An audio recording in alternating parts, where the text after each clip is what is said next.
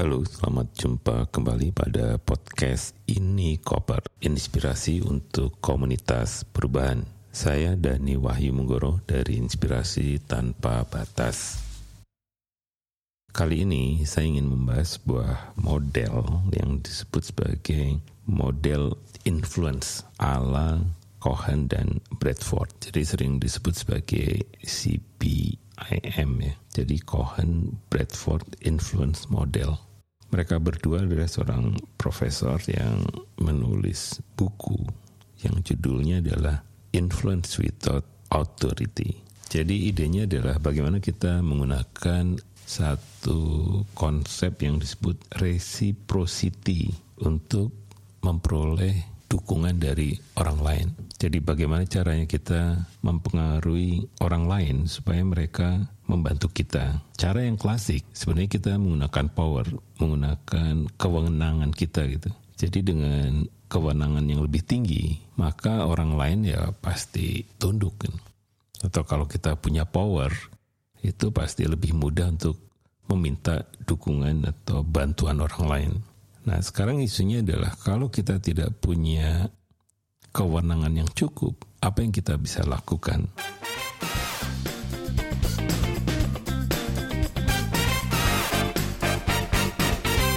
Model ini sebenarnya kalau mau dilakukan itu memang ada beberapa syaratnya juga. Yang pertama adalah memang kita butuh orang lain untuk melakukan ide itu.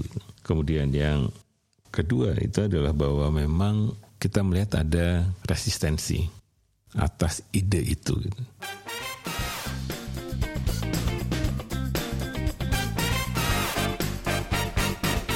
Yang ketiga sebenarnya adalah bahwa relasi kita dengan mereka itu tidak bagus-bagus amat gitu. Jadi kitanya sendiri sudah was-was gitu bahwa ide ini akan ditolak gitu. Nah yang lain sebenarnya adalah bahwa kita belum tahu dengan siapa kita akan bekerja. Jadi di sini modelnya Pak Cohen dan Pak Bradford ini itu memang harus ada konteksnya gitu. Konteksnya itu memang tadi kita tidak tahu orangnya yang akan kita kerjasamakan, kemudian situasinya juga ada resistensi atas ide yang akan kita lakukan.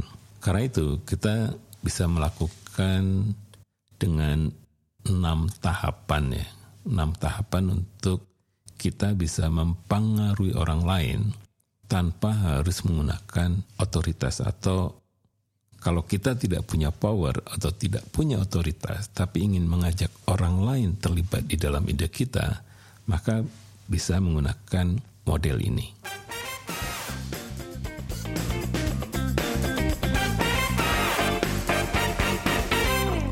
Yang pertama itu adalah mengubah mindset kita, atau yang lebih jelas adalah kita harus mengubah asumsi-asumsi kita yang berkaitan dengan bagaimana kita mempengaruhi orang lain. Pada asumsi yang standar itu kita ragu-ragu gitu. Jadi di asumsi yang awal ya itu menyatakan bahwa orang lain itu tidak ingin membantu kita atau orang lain akan membantu kita kalau dibayar misalnya. Orang lain akan membantu kita kalau bahwa kita memberi, memberikan hadiah, memberikan apa gitu yang kemudian itu menjadi menjadi asumsi kita. Jadi pada saat kita ingin mengajak orang lain, kita udah khawatir dulu gitu. Nah di dalam model ini justru di awal gitu kita ubah asumsinya. Asumsinya atau mindsetnya itu justru bahwa kita harus yakin bahwa semua orang itu ingin membantu kita. Nah di sini ketika kita yakin bahwa orang lain pasti ingin membantu kita, kita sendiri harus yakin bahwa apa yang akan apa yang akan kita lakukan itu adalah sesuatu yang baik bagi mereka. Nah, kalau keyakinan ini tidak ada, maka model ini tidak disarankan untuk dipakai.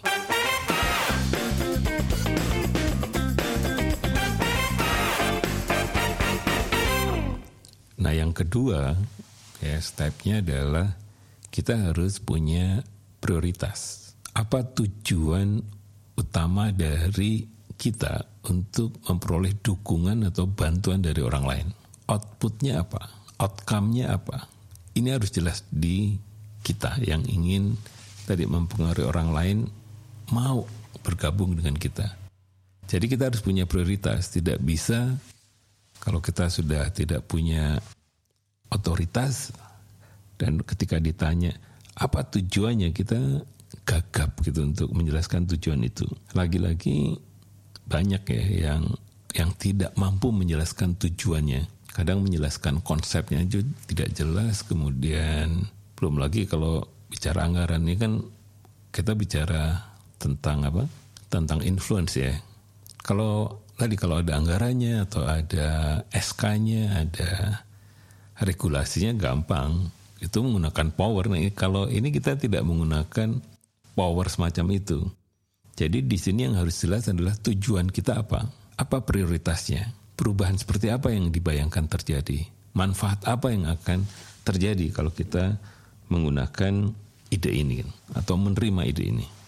Nah, kadang ya ini pasti perlu bagaimana kita mengemas supaya ide-ide ini bisa dijelaskan lebih sederhana. Ketiga, karena kita tidak menggunakan otoritas, maka kita harus betul-betul tahu situasi yang dihadapi oleh orang yang akan membantu kita. Jadi kalau kita tidak tahu sama sekali, kita tidak bisa memperoleh dukungan yang yang genuine ya. Karena kita situasinya misalnya apakah di kantornya ya orang ini memang disukai atau hubungan dengan banyak pihaknya itu bagus ya tidak ada hal-hal yang yang apa memberatkan gitu ya. Tapi juga sama kalau orang ini misalnya memiliki situasi yang apa yang tertekan itu ya kita antara bisa dan tidak bisa menggunakan orang ini untuk bisa mendukung ide-ide dari kegiatan yang akan kita usulkan gitu. Oleh karena itu ini yang menjadi penting. Jadi kita memahami situasinya, situasi si orang ini. Di sinilah kita berempati ya kepada mereka. Karena kadang kita kan judgingnya terlalu cepat ya. Ini mau ini tidak mau. Ini orangnya bagus yang ini jelek gitu. Nah kadang justru di dalam model ini kalau perlu sebenarnya justru mencari orang yang resisten gitu supaya lebih jelas percakapannya karena kalau orang yang mendukung tuh kadang ya kadang banyak bahasa basinya sebenarnya adalah bahwa kita harus mulai menemukan hal-hal apa saja yang dianggap penting untuk bisa memperoleh bantuan atau dukungan dari orang lain. Nah, di sini yang penting kita kita perhatikan sebenarnya adalah apa yang kita sebut sebagai beberapa hal urgen yang penting diperhatikan. Yang pertama itu kita harus tahu tentang aspirasinya. Aspirasi dari orang yang kita pengaruhi untuk mendukung kita. Karena setiap orang kan punya aspirasi ya, sesuatu yang ingin dilakukan atau sesuatu yang ingin diperjuangkan gitu. Nah, aspirasi ini harus di, diperoleh dari sejak percakapan-percakapan awal ya. Jadi sebenarnya mereka tuh terinspirasi apa sih untuk melakukan tindakan sehari-hari kenapa yang ini mau dilakukan, kenapa ini nggak mau dilakukan. Kenapa di sini merasa lebih ringan, kenapa yang di sebelah sini merasa lebih berat. Nah kemudian yang kedua adalah kita juga harus tahu tentang tugas-tugasnya, gitu. apa yang dikerjakan, apa saja gitu, seberapa sibuk, seberapa penting sebenarnya kegiatan-kegiatan sehari-hari yang mereka lakukan. Nah kadang ada orang yang sangat orientasinya adalah tugas, Nah, apakah inisiatif ini cocok dengan penugasan dari orang ini? Nah, kalau cocok itu oke okay banget gitu. Yang ketiga yang kita harus tahu juga tentang posisi si orang yang akan kita dekati. Nah, posisinya apakah cukup tinggi ataukah middle ataukah di bawah gitu.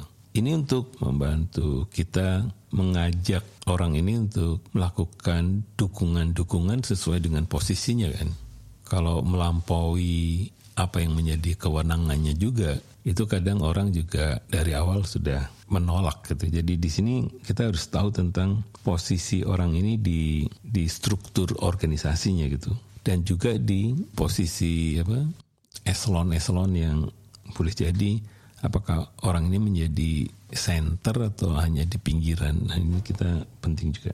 Nah yang lain sebenarnya juga kita harus tahu relasi-relasi yang dimiliki oleh orang ini gitu.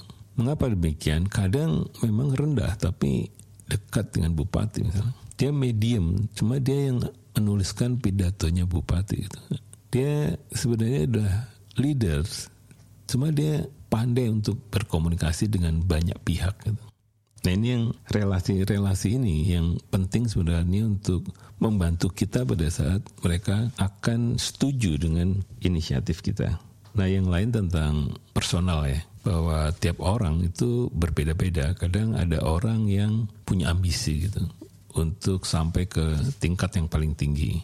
Ada orang yang biasa saja gitu. Nah ini penting karena kita kalau bisa memfasilitasi personalitinya supaya mereka juga suka dengan apa yang kita akan lakukan gitu.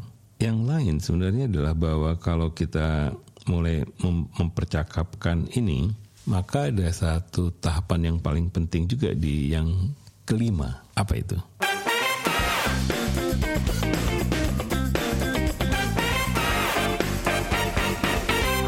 Kelima itu adalah kita melakukan analisa relasi relasi relasi kuasa gitu. Kenapa ini menjadi penting? Karena sebenarnya di sini kita perlu sekali yang disebut dengan membangun rasa saling percaya. Saya pernah juga kalau diingat-ingat di inisiatif ini itu tanpa power sebenarnya waktu itu saya harus mendekati beberapa pejabat di sebuah kementerian untuk mengajak belajar gitu. Jadi ringan nih, yuk kita belajar gitu. Mengapa belajar? Karena masa itu masa transisi yang semua orang bingung. Dari orde baru ke orde reformasi. Banyak jabatan hilang, banyak orang tidak nyaman dengan situasi yang ada. Ada yang tidak memiliki jabatan padahal lulusan dari luar negeri dan sebagainya. Yang kemudian oke okay lah kita belajar yuk gitu tentang change, tentang perubahan, tentang change management, tentang tentang apa fasilitasi, tentang new leadership dan sebagainya, bagian dari untuk membangun percakapan gitu. Di sini sebenarnya yang menarik adalah bahwa dengan kegiatan seperti itu yang rutin tiap bulan ketemu mau absen boleh ya dan kita tetap tanya juga gitu untuk selalu terkoneksi dirawat juga hubungan-hubungan itu ternyata itu sangat efektif untuk kemudian di kemudian hari itu mereka menjadi leader-leader yang yang sangat bagus gitu. Karena itu di sini perlu sekali sebenarnya kita memiliki kecerdasan emosional karena pada banyak hal itu banyak hal-hal yang tidak terduga. Misalnya tiba-tiba jabatannya hilang, kemudian diparkir gitu, menjadi tidak suara atau apa gitu. Nah kemudian situasi ini punya risiko-risiko yang yang yang kemudian menjatuhkan mental kawan-kawan yang lain. Tapi juga ada yang cerita sukses yang kemudian diangkat menjadi ini, diangkat menjadi itu. Itu pun menjadi satu cerita yang harus dimobilisasi gitu. Nah itu yang kelima gitu. Jadi di sini yang kelima sebenarnya adalah membangun relasi relasi itu dalam bentuk-bentuk yang pengalaman saya lebih pada forum-forum informal yang menjaga energi positif kalau orang itu sudah mendukung inisiatif kita. Nah, yang terakhir apa?